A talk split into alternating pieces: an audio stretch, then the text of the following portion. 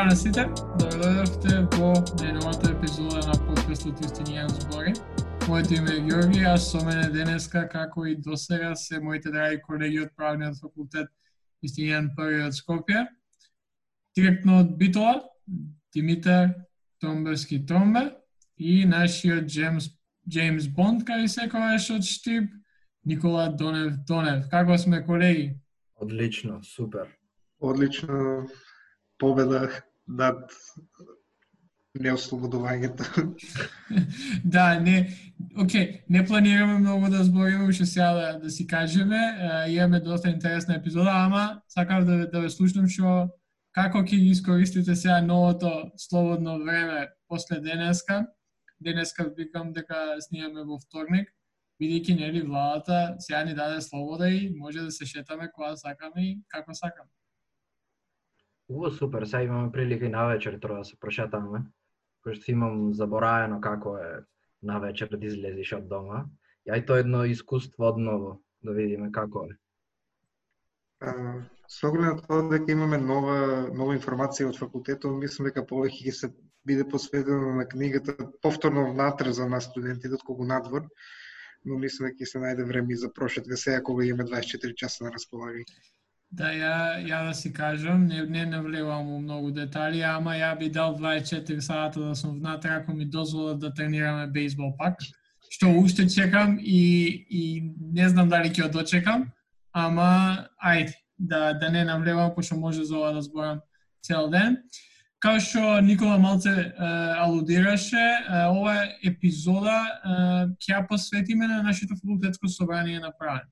Свесни сме дека голем дел од студентите не се толку запознаени со работите на факултетските студентски собранија по факултетите, а ние као дел што сме и членови на, на ФСС, а и а, студираме на правен факултет, сакавме да искористивме можноста и преку овој подкаст да ги запознаеме нашите слушатели и студентите на правниот факултет со работата на факултетското собрание, факултетското студентско собрание, а и со дел од членовите на, на истото, како и председателот на собранието, па така ова ова епизода специјално ќе биде за сите оние кои не гледаат и слушаат да се запознаат со ФСС на правен факултет.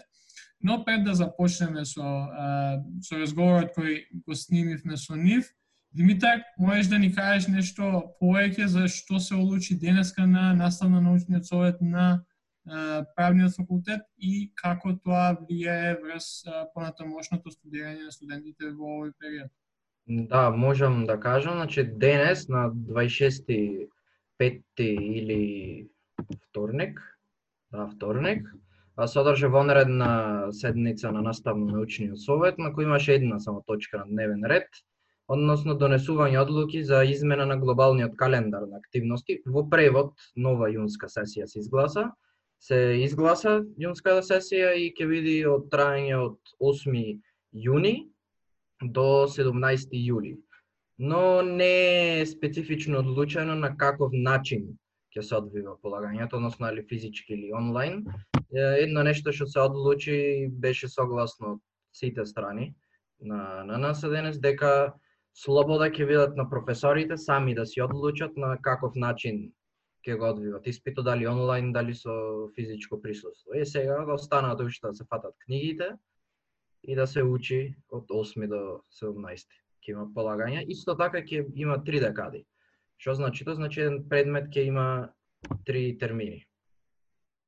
Да, а од денеска мислам дека се надеваме и таква информација имаме дека согласно со која ќе ја слушате оваа епизода, веќе треба да имате распоред за, за испитиве, тие што сте направени секако и ќе може да, да ги пријавувате истите преку I know и онлайн, а а хартиена, мислам така беше, а пријава од испит Да, треба да се носи значи пријава, индекс и маска.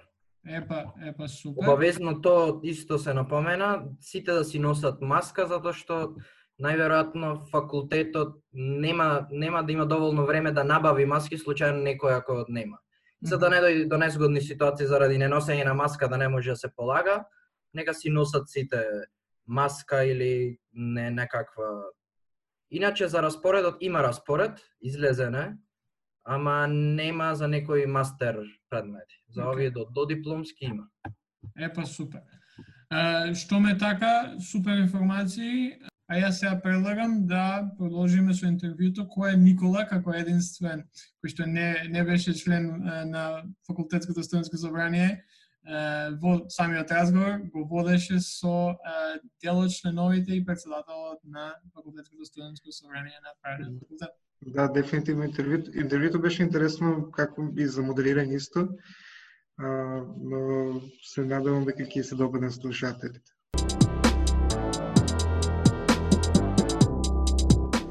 Денеска, денеска имаме посебно Uh, еден посебно проширен состав на, на гости.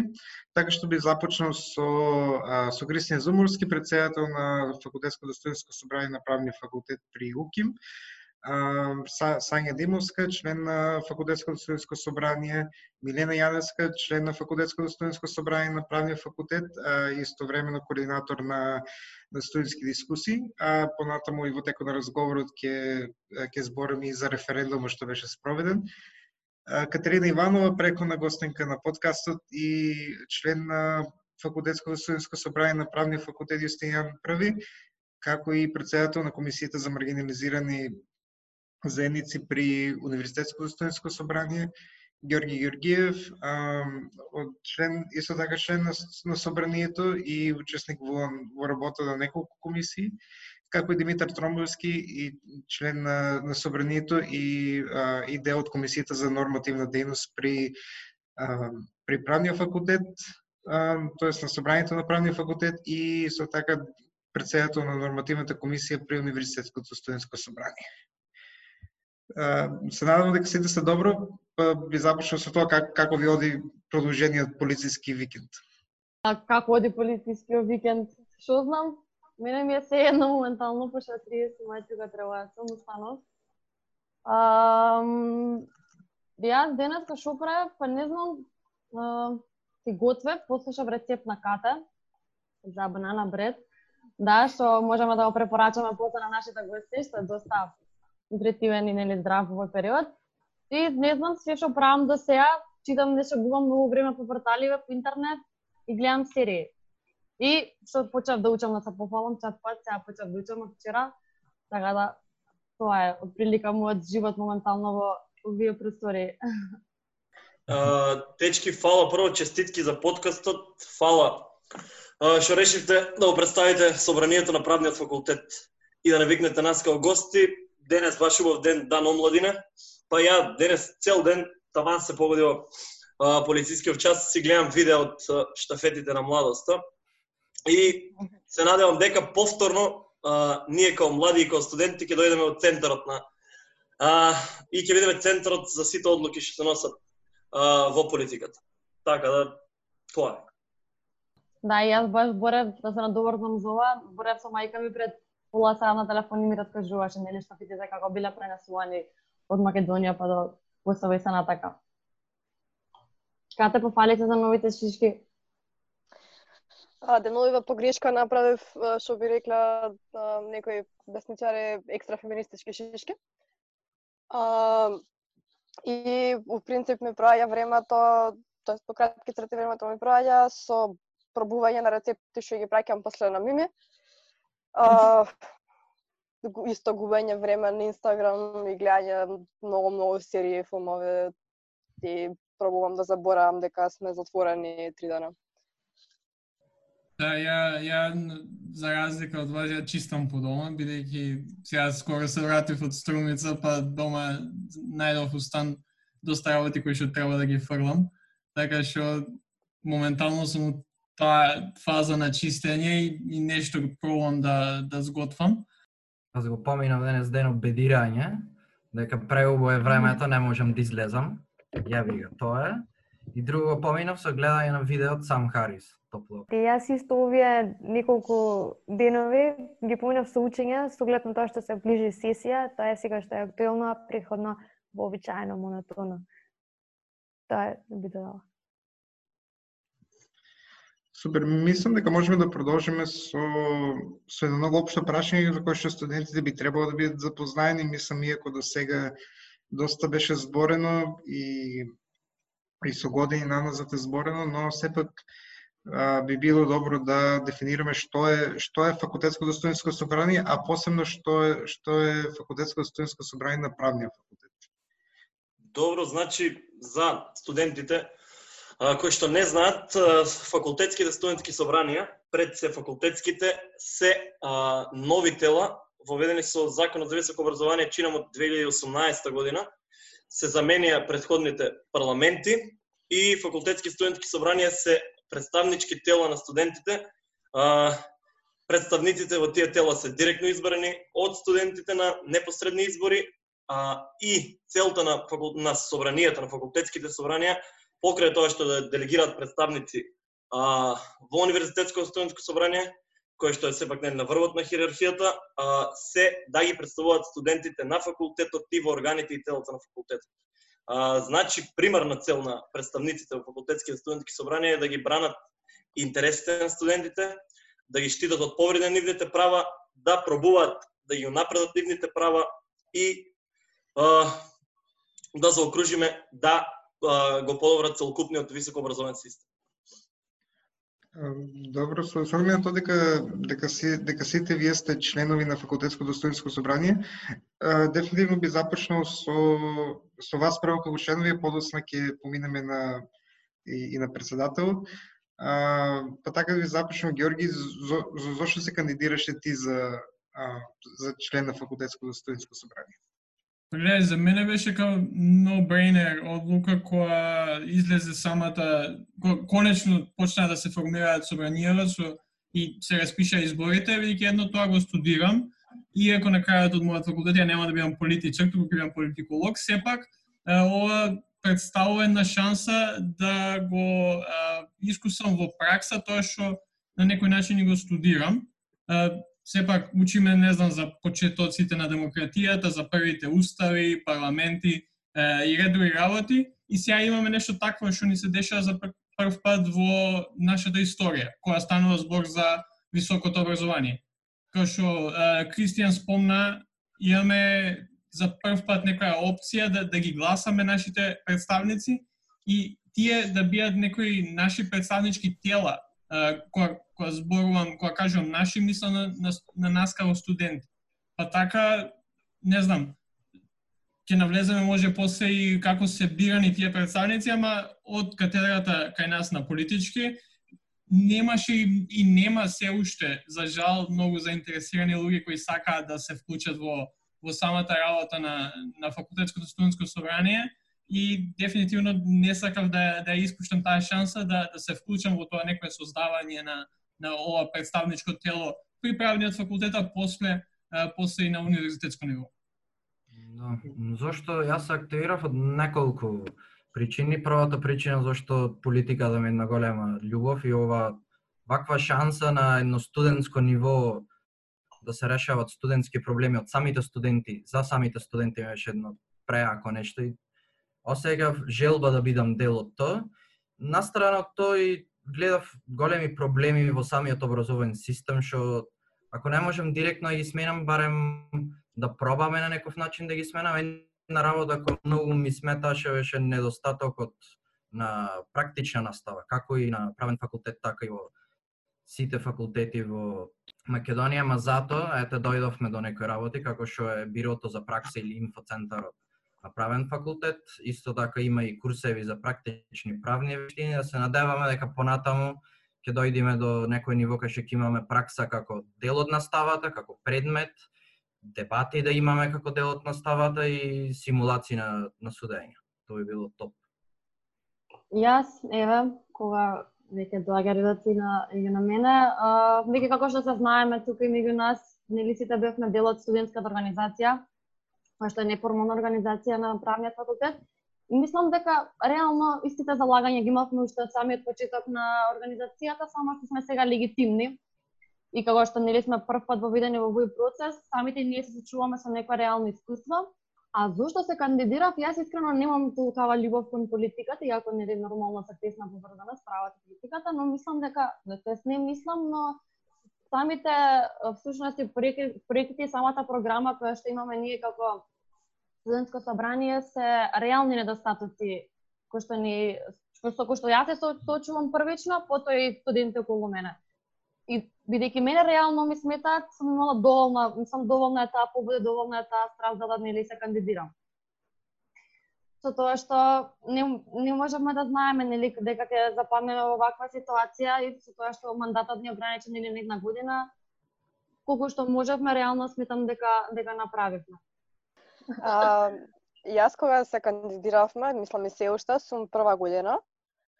И кога прв пат дојдов на факултет, еден од првите контакти со правниот факултет како таков ми беше баш студентската организација на правен факултет, што искрено ми беше многу интересна како појава затоа што веров дека е можеби единствениот канал каде што стварно може да се бори некој за, за колективот и за себе.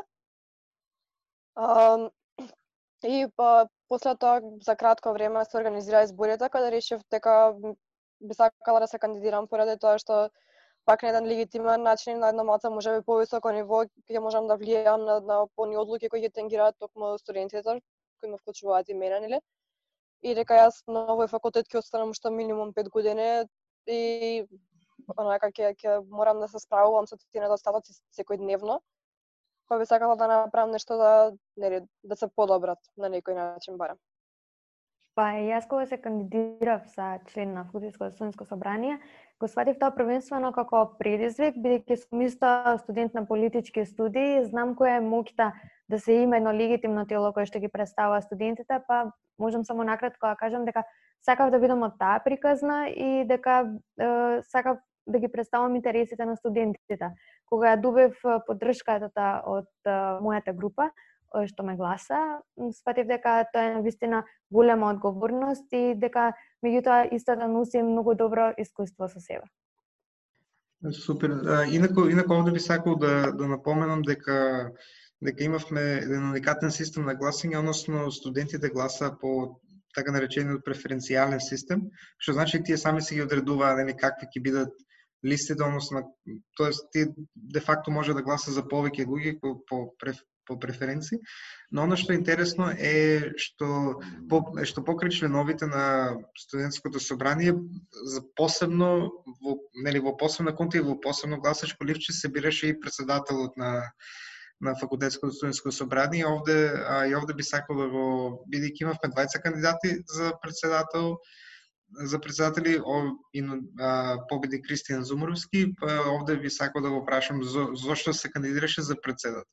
Прво се почна со студентската организација на правниот факултет, кога ние заедно а, другари, другарки со исти интереси, видовме дека само заедно солидарни може да оствариме одредени права, може, значи со студентската организација се организираат дискусии, се изборивме за права, едноставно, уште како неформално тело, и професор, дел од професорите и дел од деканатот не почитуваа.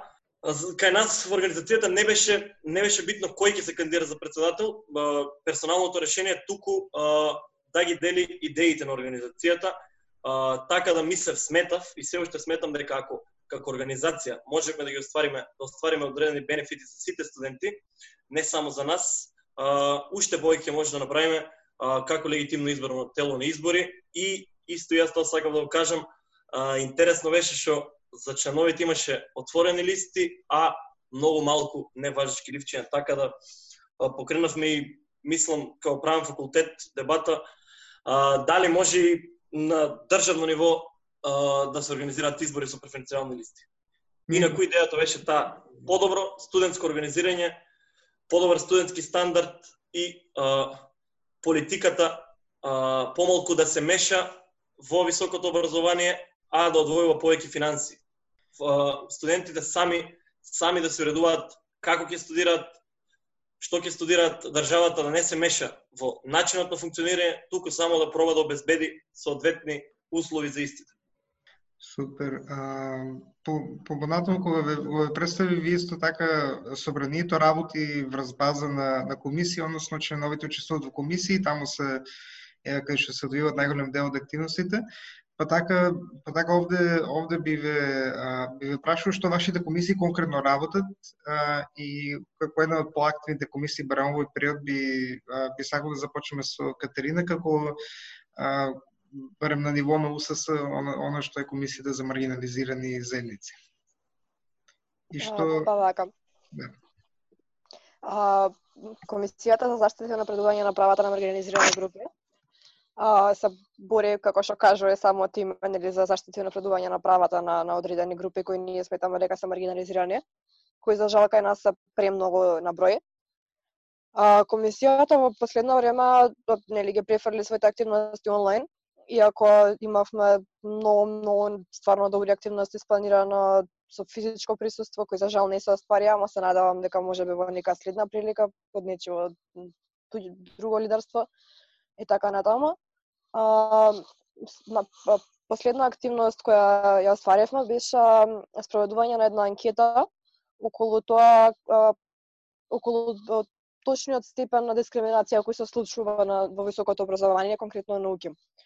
А, резултатите за жал воопшто не беа изненадувачки.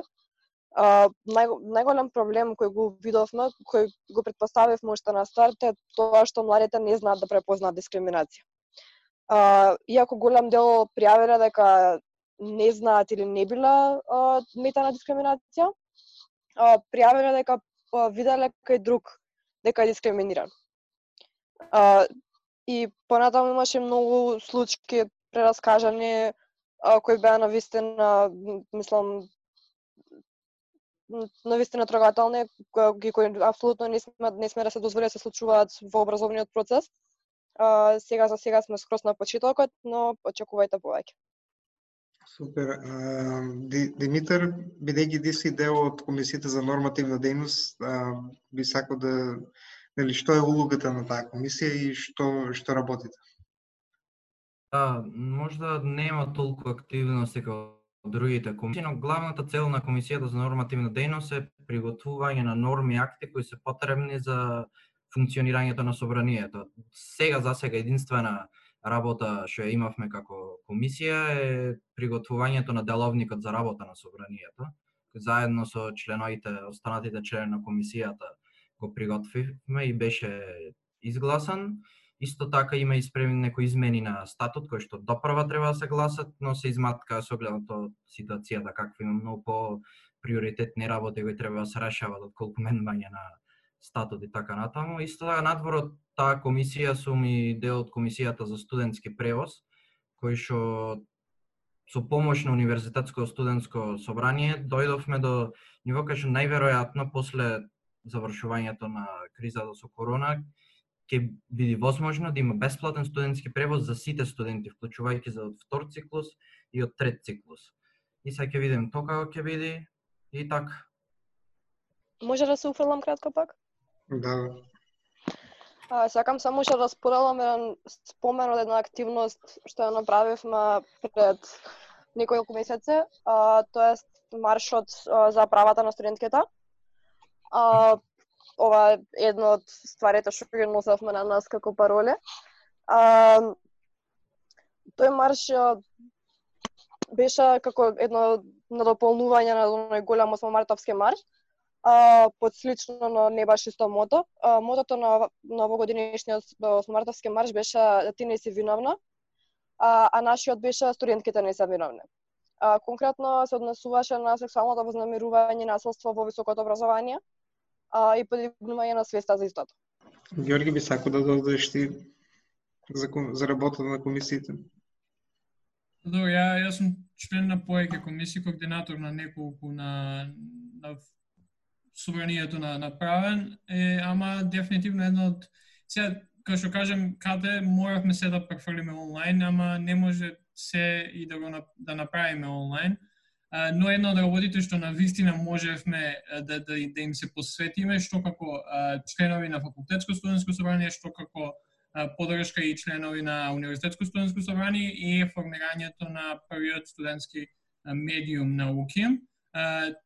не знам, ќе ти дадам ти дадам простор на Сања повеќе да каже за тоа. Ја само сакам да кажам дека на вистина е убаво и на вистина е, е онака баш оптимистички да, да видиме колку само студенти ни се приклучија до сега и еве два месеци скоро сме во функција и онлайн и на вистина има резултати. Што еве ние подкаст снимаме, имаме студенти кои пишуваат и ни праќаат колумни, секоја недела имаме студенти кои што пишуваат различни различни стати и, и на вистина е убаво да се види студентите.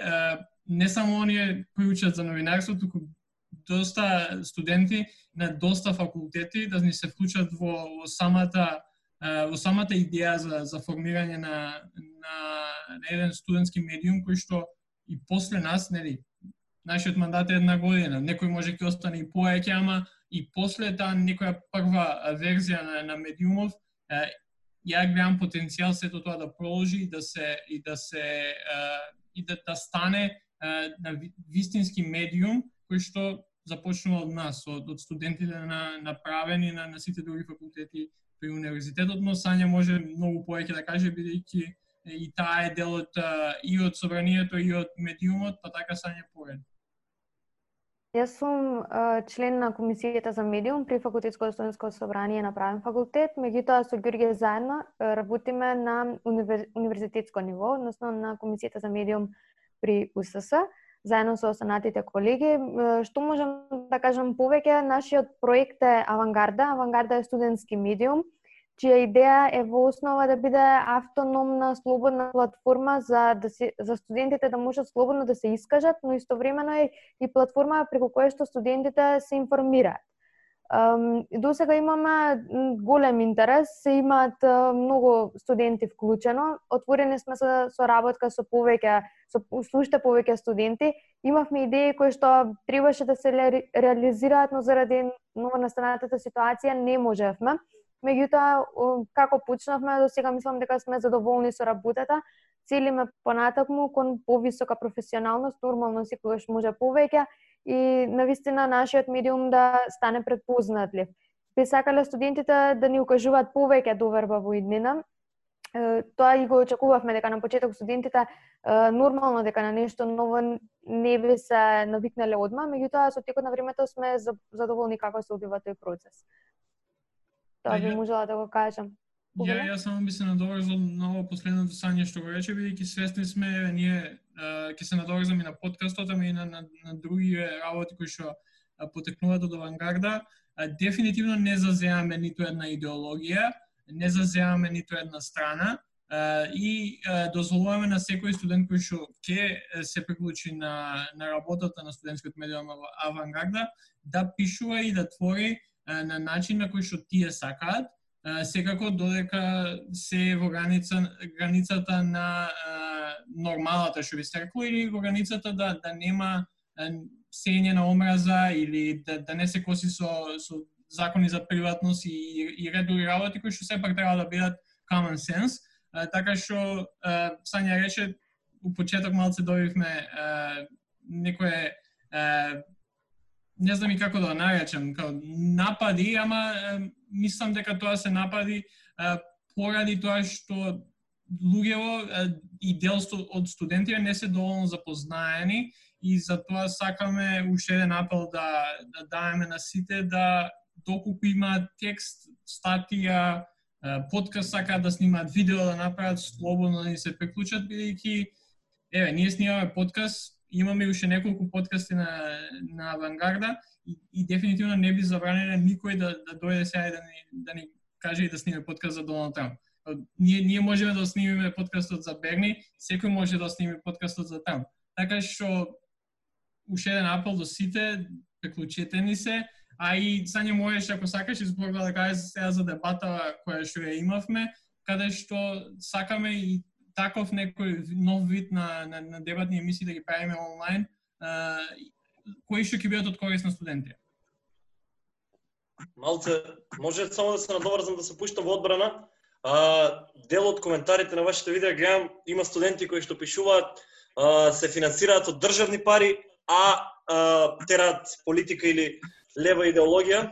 А, само ја сакам да кажам дека еве како председател на собранието на правниот факултет а, нити имате побарано, нити имаме ви дадено уште никакви финансиски средства за снимање на подкастот, така да ова се е на баш база на добра волја и на солидарност.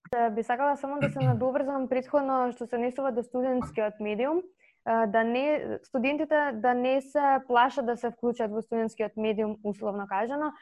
Ние во медиумот тимот кој што сме и уредничкиот тим сме многу малку студенти кои што се на новинарство. Мислам дека се еден или двајца, така што голем голем број од членовите на комисијата се се од други факултети и тоа не да не представува пречка ниту до едните ниту до другите за да се вклучат во истото.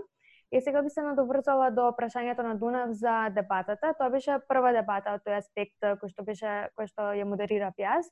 Искрено јас добив само позитивни зборови во однос на на моето искуство со модерирање, тоа беше моето прво искуство во едно.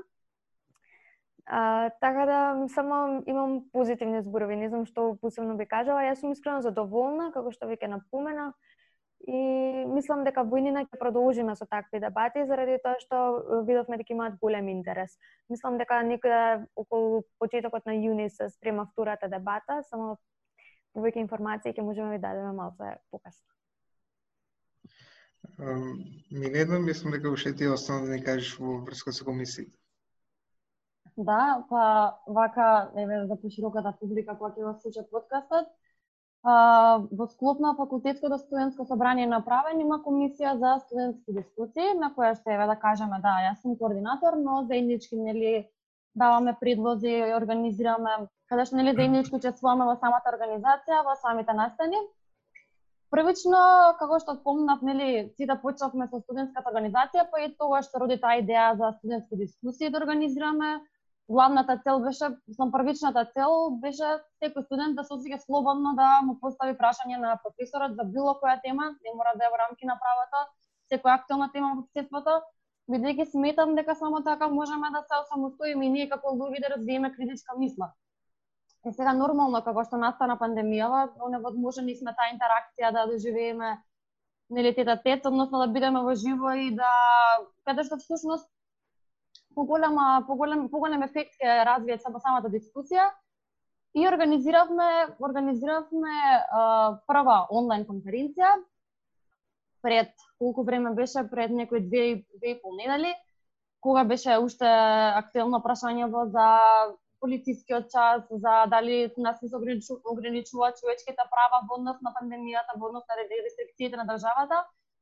Па дојдовме до идеја да организираме онлайн конференција со на тема основните човекови права и слободи пред, за време и пост коронаирата, каде што панелисти ни беа почитуваните професори од правен факултет, професорката Каролина Ристовасерот и доцентот Марко Картулица. Тие што присуствува знаат како се одвиваше самиот концепт на, на дискусијата, потоа како што после тоа како што кажав направивме и на ревју анкета каде што доста позитивни коментари имавме. Реално не очекувавме толкавата интересираност, иако се долго влечи малце самиот а, нели самата временска рамка, бидејќи беше бидејќи имаше заинтересираност. Uh, стварно испадна како за наше прво искуство во ова, во ова онлайн дискутирање испадна добар проект, добар настан каде што нели јас го модерирав, како што исто и Сања и мене ми беше прво лично искуство како модератор.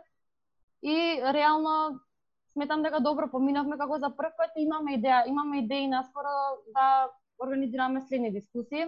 Собравме предлози од студентите, а, односно добивме нели најчесто предлози за, за на која тема да бидат да бидат организирани дискусиите, така да за секоја активност како што до сега факултетското студентско собрание ќе си ги информира студентите во во интерните групи. Околу студентските дискусии а, само околу самиот околу самата околу самата комисија тој беше единствениот проект кој го реализиравме за време на пандемијава.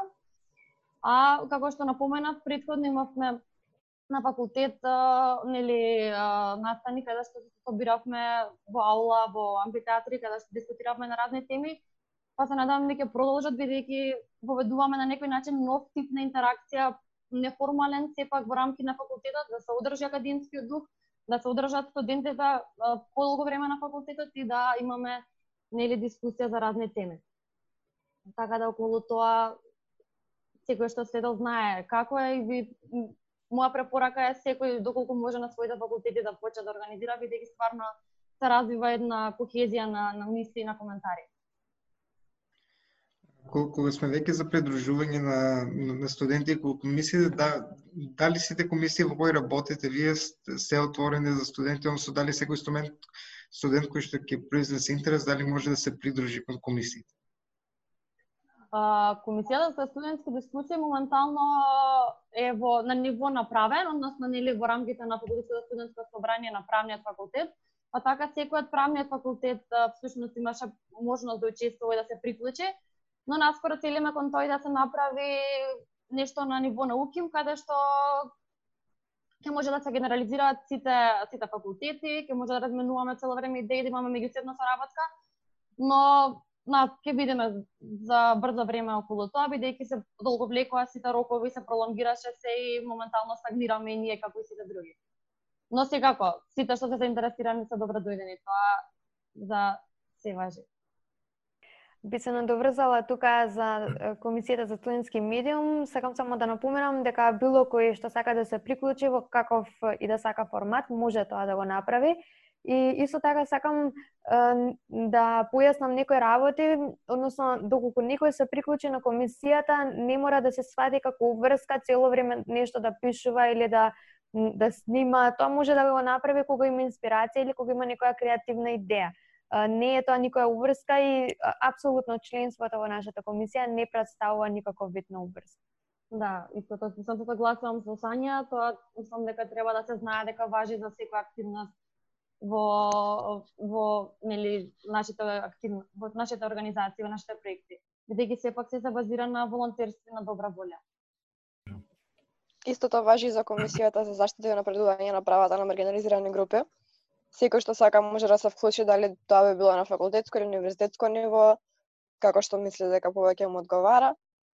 А, во било кое време за било која активност, дали краткорочно, долгорочно, секако оставаме на самите студенти.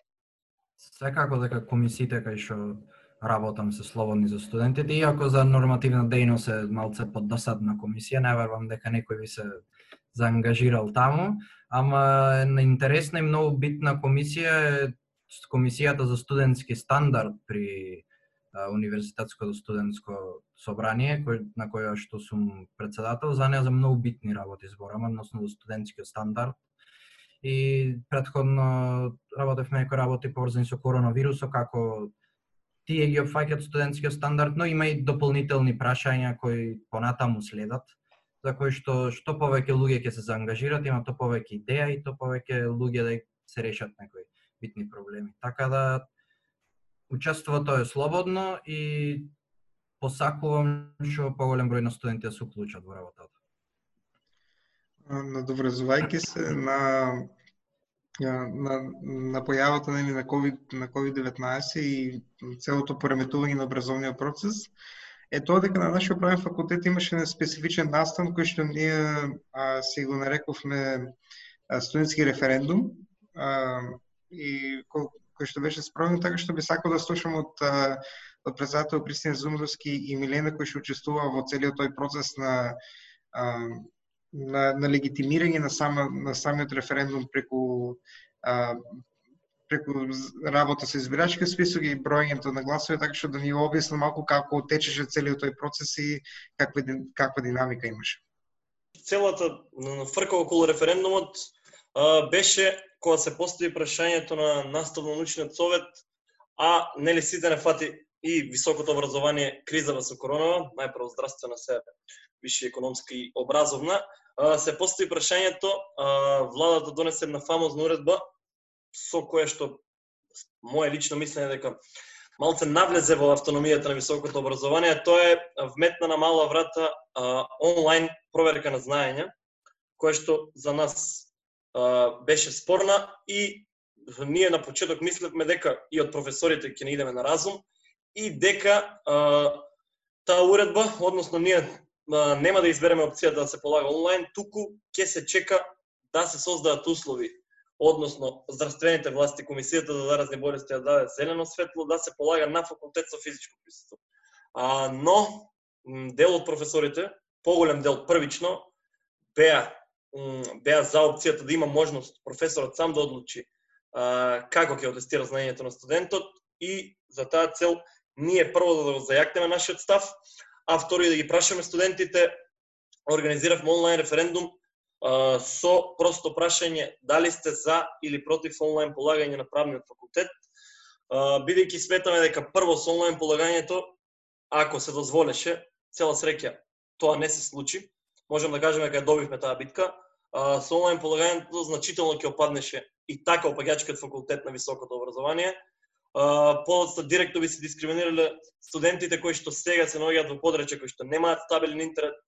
Има и значителен број на студенти кои што немаат воопшто уреди за следење на настава, а камоли за полагање и а, доста битно прашање беше дали дали факултетот и универзитетот може да обезбедат а, соодветна заштита од злоупотреби, за злоупотреби, извинете, а, на кое што не добивме одговор кој што не убеди дека а, ние ќе дека факултетот располага со механизам со кој се заштитило самото испрашување, односно дали ќе има злоупотреба на системот преку онлайн полагање. Така да повеќе околу бројките и начинот на спроведување на референдум може да каже Милена, јас само ја зачнав зашто беше потребата од референдум. Добро, ние значи како нели факултетско студентско собрание на правниот факултет имамо врска на некој спрема студентите да нели ги прашаме а, да се признасат на прашањето дали се за онлайн тестирање или се против и ние како легитимни представници нивни треба да го застапуваме мнозинскиот став. Со тоа и ПСС организира а, спроведе нели онлайн референдум по тоа прашање. Ви знаеме сите дека дека нели дека одреден дел од нас учествуваат, нели одреден дел од нас кои што се слободни во тој во тој период од времето учествуваат во активностите на ФСС, па така тогаш јас и Ејуп колегата кој што моментално не е тука, преземавме иницијатива да нели ги повериме одговорите од анкетата, да направиме статистика и транспарентно да излеземе пред студентите. референдумот се спроведе преку анкета на Google Forms, каде што секој студент со име и презиме, со индекс, јасна и транспарентно се изнесува нели по прашањето дали е за онлайн тестирање или е против онлайн тестирање односно за полагање со физичко присуство. Откако го откако заврши 24 часа нели временски временски временската рамка за за одговарање на анкетата, односно за произнесување по тоа прашање, јас ја еве значи јас лично тврдам и најлегитимно можам да кажам дека детално ги проверувавме одговорите и ги споредувавме со избирачкиот систем, односно секој одговор, секој одговор кој беше доставен до анкетата, имате секој име презиме со индексот, ги проверувавме во избирачкиот список, дали се одвестува тој студент, дали го има во избирачкиот список, дали се уште му трае, му важи статусот на редовен студент или на правниот факултет, тие податоци ги значи ги средивме во во Excel табела и транспарентно ги ги објавивме во групата. Каде што резултатот беше а, 500 500 гласа имаше а, против онлайн тестирање, а 250 беше за онлайн тестирање, да. Тие статистики се објавени во групата, нели сите имаат пристап до нив. И како ние како легитимни представници се се боравме да го затапуваме тој став. Е сега, лично мојот аргумент по кон сето ова, да, јас ги разбирам и студентите кои се оневозможени нели да дојдат физички бидејќи нема нели се уште трае пандемијата се зголемува бројката, имаме рисците сме изложени на ризик со тоа да се заразиме. Меѓуградскиот превоз се уште не е соодветно регулирано околу тоа прашање, но а, професорот е тој што сепак крајниот збор и одлучува како ќе проведе испитот доколку се утврдеше да се да се полага единствено онлайн, многу многу студенти ќе го изгубеа правото на полагање. Да, нема твој избор дали ќе дојдеш физички или да да полагаш на на сесијата, бидејќи реално никој не те обврзува доколку сметаш дека е ризично и дека сам се ставаш во ризик. Но затоа но но затоа има и опција самиот професор да спроведе и онлайн тестирање. Со тоа што ако се сведеше целосно само на, на онлайн испитување, многу, многу мина студенти немаше да, да имаат шанса да полагаат. Пример, еве, лично професор, јас разговарав со професорот по меѓународно приватно право, кој транспарентно зборам дека тој самиот беше експлицитно да не дека не сака да спроведе онлайн тестирање, не затоа што нема не може да го оцени студентот на тој начин, како што ве ние комуницираме моментално целиот свет нели иде електронски се тоа, туку едноставно немаме развиен метод, немаме техничка опрема соодветна со која што ние ќе гарантираме дека дека тоа што го полагам, дека сме идентификувани ние дека дека го полагам испитот, дека некој нас не врши контрола и дека нели нема да има недоследности. Е сега доколку на пример професорот по меѓународно приватно право не дозволува под никаков основ да спроведе полагање, некој студент има останат некој студент а, го има оставено само тој предмет се дипломира. За тоа што ако се изведеше нели само онлайн тестирање, тој студент нема да можеше да полага, ќе го изгубеше право, правото на полагање.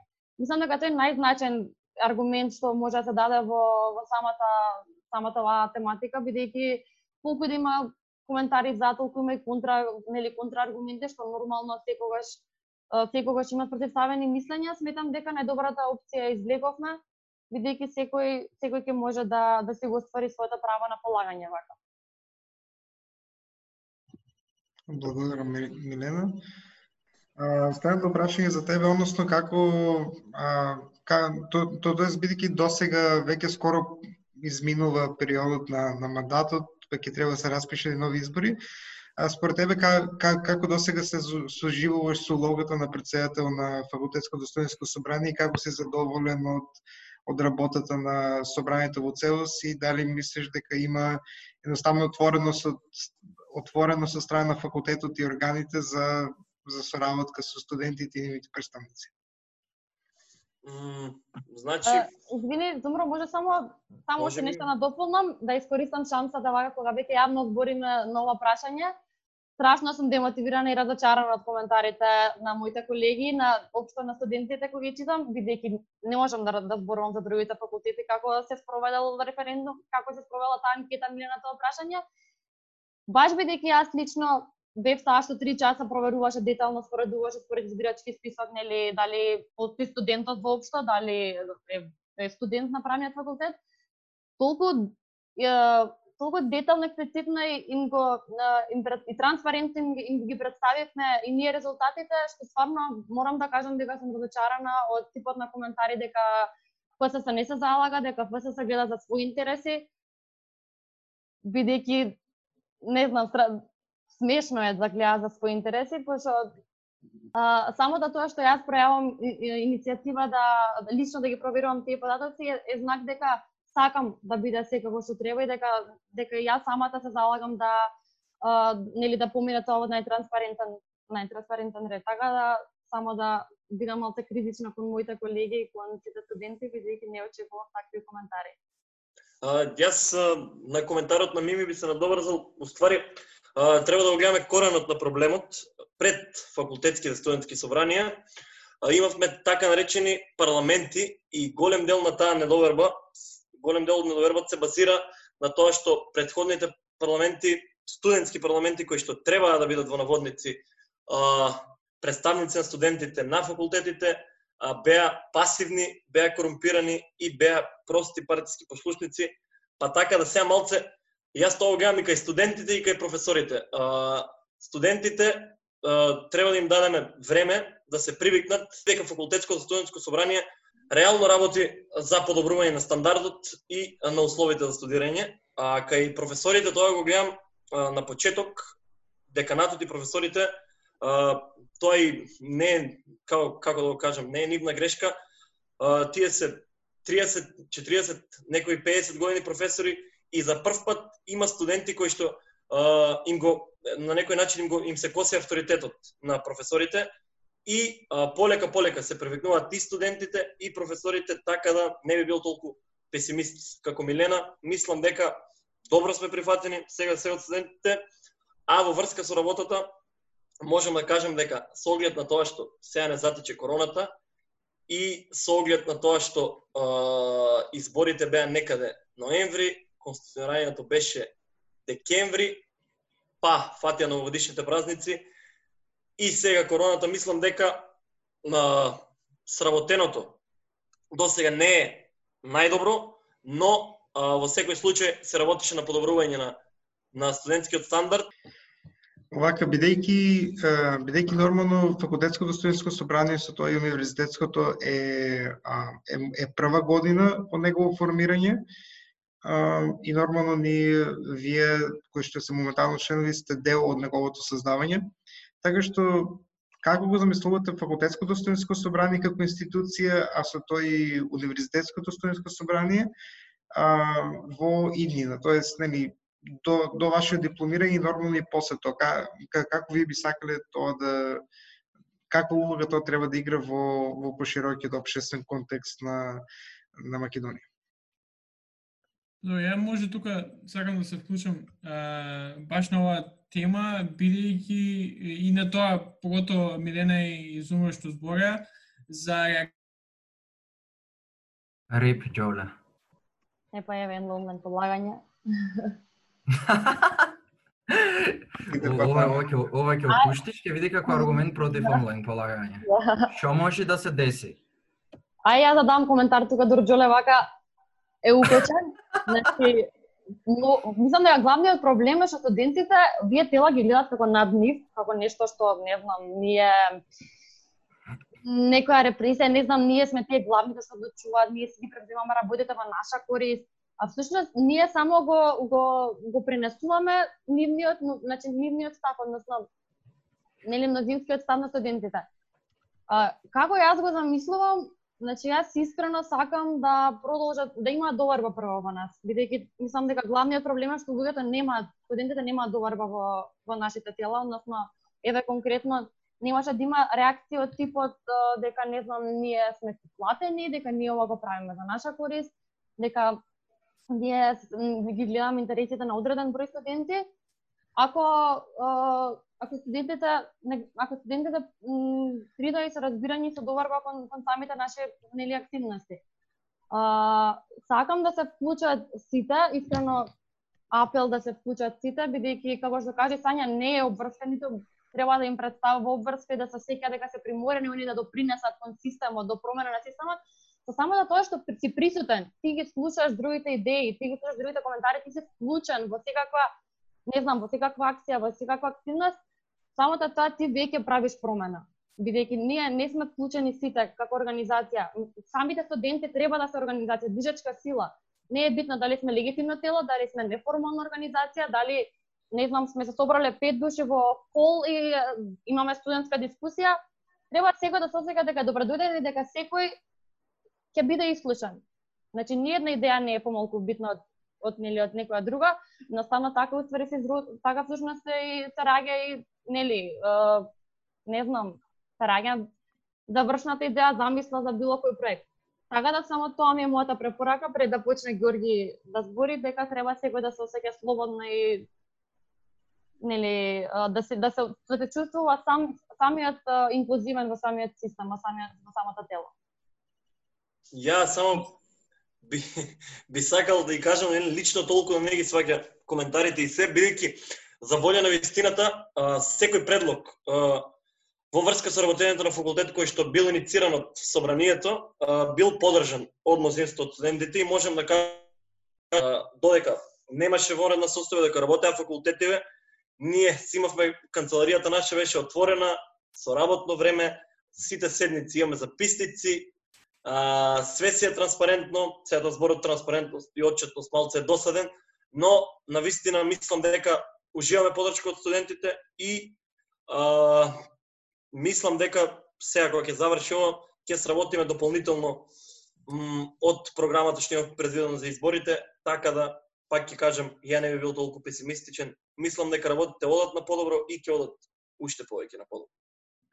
Сакам баш со тоа на Зумрано идеја да се доврзам дека баш многу пооптимистично гледам на работите, дека да може би сега има некоја недоварба кон овие тела и ја разбирам искрено сепак мојата не да толку може би вашите генерации повеќе, но и мојата го осеќа тој белек на, на, на испрљаноста од парламентот. И мислам дека следните генерации што доаѓаат, барам колку толку сум во контакт со нив, а, се ја го нема тој белек на парламентот и на слични тела и квази организации и слично. А, и мислам дека ќе имаме еден нов бран на, на студентско движење со тие генерации кои ќе биде на вистина чисто од сите тие влијанија и лоши спомени, како и да ги наречам. А, така да мислам дека ФСС и УСС имаат на, на вистина светла иднина, а наша работа да го поставиме само темелот. Да, јас почнав да зборам на почетокот и после ми падна интернетот па, па ме снема. А, што сега да кажам на оваа тема, а, доста сум малце, у последниве неколку дена па и недели, а, доста размислувам на оваа тема и, и сваќам, и, и повеќе сум на страната на Милена која, која збори а, баш за оваа тема, дека а, гледаме доста коментари, ние знам, еве, пак ќе спомнам подкастот ни беше нападнат уште кога го извади, кога извадивме првата епизода, дека не знам, шириме разни глупости но факт е дека многу мал дел од студентите се вклучија во работите на, на, на ФСС, на УСС, на, на сите други факултети во самата работа на студенти. А исто така мала и бројот на студенти кои ствари излегува и, и гласа на изборите кои беа кои беа одржани на факултети. Па затоа малце кога добиваме напади, кога добиваме некои коментари за за за работата која што ја правиме, треба да се земе во обзир дека исти овие студенти кои сега напаѓаат имале обзира да не да имале а, имале шанса да не бираат или да не не бираат. Имале шанса сами да се вклучат и сами да бидат представници на студенти. Така што а, ја би уште еднаш доста и испратил апел до, до сите студенти кои коментираат на работа да знаат дека ова е ние сме почетници во ова. Е, нема да направиме перфектно, плюс не фати корона како и на целиот свет. Така што да, критика е добра работа, конструктивна критика е можеби нешто најдобро кога се почнува со ваков проект, но а, уште подобро би ни било доколку ни се вклучите. Уште подобро ни би било додека на следните избори имаме не колку кандидати има, немавме доволно кандидати да ги пополниме сите места на на ФСС на правен факултет. Можеме ние да збориме дека имаме премногу места на на ФСС, но сепак кога ги имаш, кога имаш таа можност да се кандидираш, излези и кандидирај се. Излези со со некоја не знам, некоја цел, не мора цела програма да пишуваш, излези и кандидирај се на некоја платформа која што сакаш да ја завршиш во текот на твојот мандат. И и на пример, не знам, ние добиваме безброј коментари на погото на нас на правен факултет, ама ние едва се собираме да да имаме форум за да почнеме седница. И тоа не не е која короната фат, ние едва се собиравме пред корона. И не може ништо да одлучиш, па така не знам. Една седница траеше два дена, бидејќи не можевме да, да се договориме и не можевме да, да, да викнеме доволно луѓе да, да уствари почнеме да одлучуваме, да правиме нешто. Тоа е проблемот колку и да, да студентите коментираат, а, повеќе коментираат сега кога да станува збор само за испити, колку и тие да коментираат, многу поважно и многу по а, многу повеќе ќе помогнат со тоа што ќе ни се вклучат во работата и сами ќе и ќе се кандидираат и сами ќе одлучуваат за некои вакви работи за кои што сега ние еве сме биле избрани и можеме да одлучуваме за за ова. Само извини да се надоврзам, мислам и да, да одговорам и на Зумро. Зумро не сум песимист, да, сам реално никој од нас не е песимист, зашто да бевме песимисти немаше да продолжиме со работа. Едноставно, нива критиката, значи секогаш има критики, ние сме добре добре дојдени како што каже и Џоле за за конструктивни критики, само така и ќе се запрашаме и ќе подобриме нели секоја на, на, на, наредна постапка, туку не за суштински критиките критиките се дека ние имаме подли намери, а тоа тоа страшно ме нервира, пошто сме тргнале со што сите се трудиме да испадне како што треба најдобар ред да ги застапуваме првично студентите, нели, со самите себе си се представу, се застапуваме со, со самата одлука што донесуваме. И мене повеќе тоа тоа тој момент ме демотивира бидејќи сите ние бидејќи сите ние доколку немаме доколку не, не, не чувствуваме некој не знам, као ветер од студентите, као некој отпор дека некој зелено светло всушност дека дека тоа што го правиме го правиме за нив. Самите ние, самите ние како како цело, како како луѓе, како студенти можеме да можеме иако сме тргнале со добра намера да испадне потоа во погрешна насока, само самата активност. Затоа е битно да сме сите заедно и секогаш сме добродојдени да за критики, но суштински критики. Бидејќи се остало е само правење фама реално и мислам се прави хаос. Од таков хаос имаме и дезинформации. Значи секој пост, секоја објава, секое сообщение било детално образложено и експлицитно кажано, односно потенцирани биле главните точки, главните поенти. Ама... Мислам дека тоа е проблем кај општо кај луѓето, значи нормално дека нема никаква совршености, не е, сите ние сме со таа карактеристика продени како суштества, но само сакав да да реплицирам дека не е песимистички, туку повеќе повеќе не знам абстрактна критика е тоа. Тоа тоа е некоја само правење хаос. Значи едноставно едноставно не знам, се создава, се создава некоја, се создава расправија без веза, без, одно, и се бега од главната поента, се бега од главниот проблем. Затоа јас кажав дека дел од студентите ги разбирам бидејќи предходно беа навикнати нивните представници само да договараат абсолвентски вечери, правнијади, сликања за табло. И сега малце конференции на факултетот за студенти, која бараме да се изгради студентски културен центар. А, сега ова да, да се пофалиме како собрание, обезбедени се пари и за реновирање на читалната, и за реновирање на тоалетите, и затоа ги разбирам студентите, бидејќи премногу студентските представнички тела а, носат преголем товар од минатото, односно од парламентите и предходно како беа Сојуз на студенти, што знам како беа, а, бидејќи пред факултетските студентски собранија секогаш потезите не ги влечеа самите представници, туку политичките партии И се надоврзал јас на сите помалце. На сите. На, на сите помалце, погода со Джоле и Мими нешто што кажа. Како го гледам јас ФСДС и студентското организирање, како прво, сакам да има многу поголема многу поголема активност од студентите. Што значи тоа? Тоа значи да се активираат во самата работа на студентското собрание, во комисиите. Нивниот е многу поразлична една комисија да работи со тројца, отколку една комисија да работи со 10 души или поќе од 10. Има поќе идеи, поќе луѓе, поќе сугестии што може да на поинакви начини како може да се средат некои проблеми. Но активноста на студентите не треба само од студентите кои што не се дел од ФСС, туку треба и со студентите што се дел од ФСС. Како така што кажаш Джоле, многу имавме седници кај што се мачевме да имаме кворум И ако немаш кворум, не можеш ништо да одлучиш. Ние можеме да се сеиме таму, да си правиме муавет, ама никаква одлука не можеш да, да донесеш. Друго што би рекол, би рекол за недовербата што имаат студентите. Да, разбирлива, е, негде разбирлива и неразбирлива. Разбирлива дека предходно имало такви некои организации како студентскиот парламент што стварно не работе во интерес на студентите, беа корумпирани, така натаму какви да било други придавки да му дајме. Е, има има зошто до негде да нема доверба. Од друга страна, нема доверба и вика дека ние тоа што го правиме со подли интереси против интересите на студентите, а тоа ние што правиме е организирање на студентски дискусии, начин како да ги средиме гужвите пред студентски прашања, зошто да нема онлайн полагање од оти тоа директно против интересите на студентите. Утре други ден кога ќе завршиме ќе имаме деградирачка диплома, која веќе се деградира, тоа што толку ќе се деградира. Така да би рекол на тоа, ако работиме против интересите на студентите, значи да работиме против и нашите интереси, пошто ние сме студенти.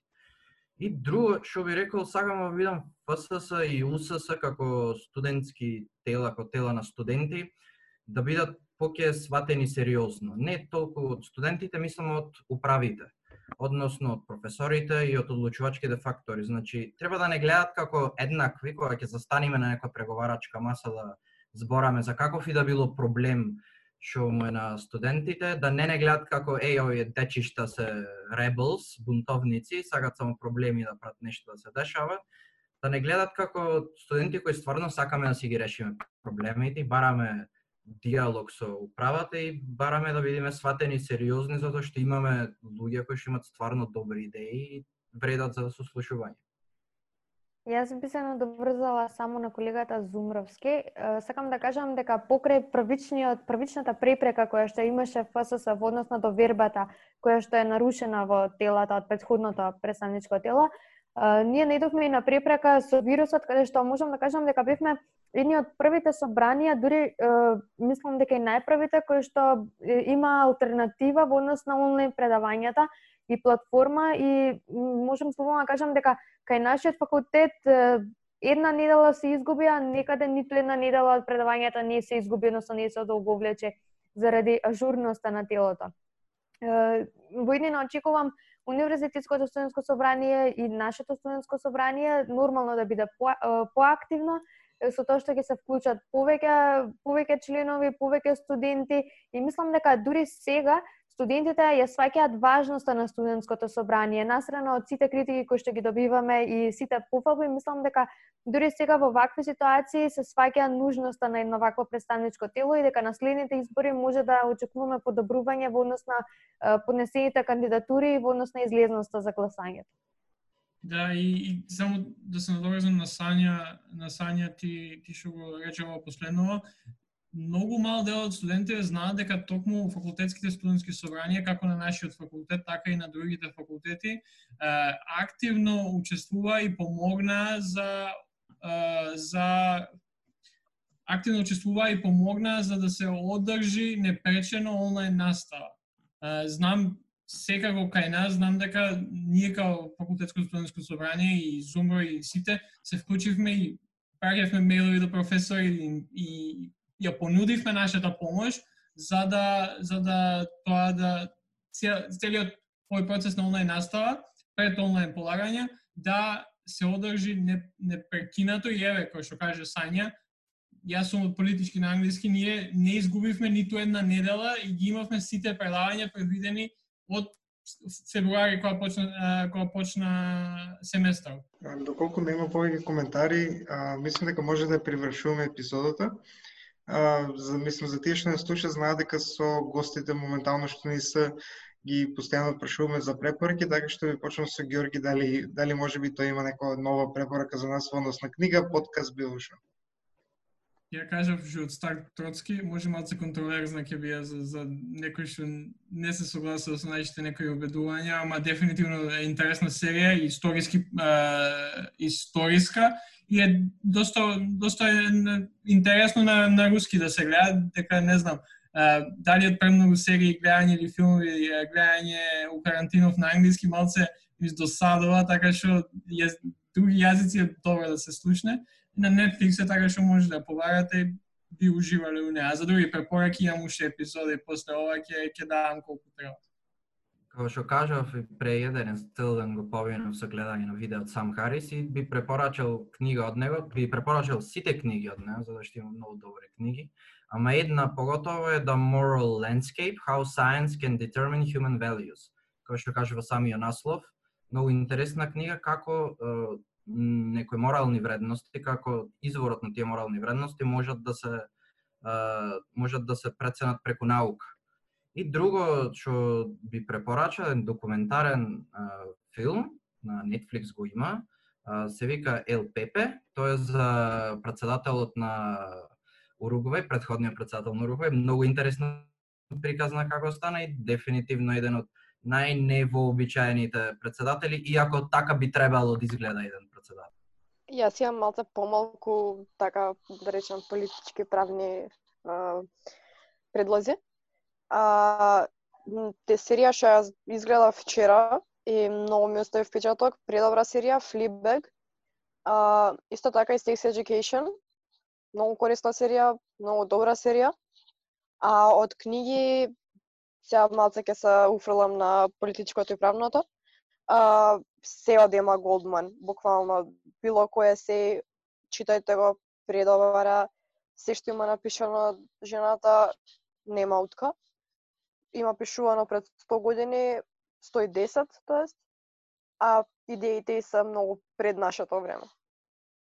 Јас сега многу серии гледам, многу филмови гледам, не знам која да изберам.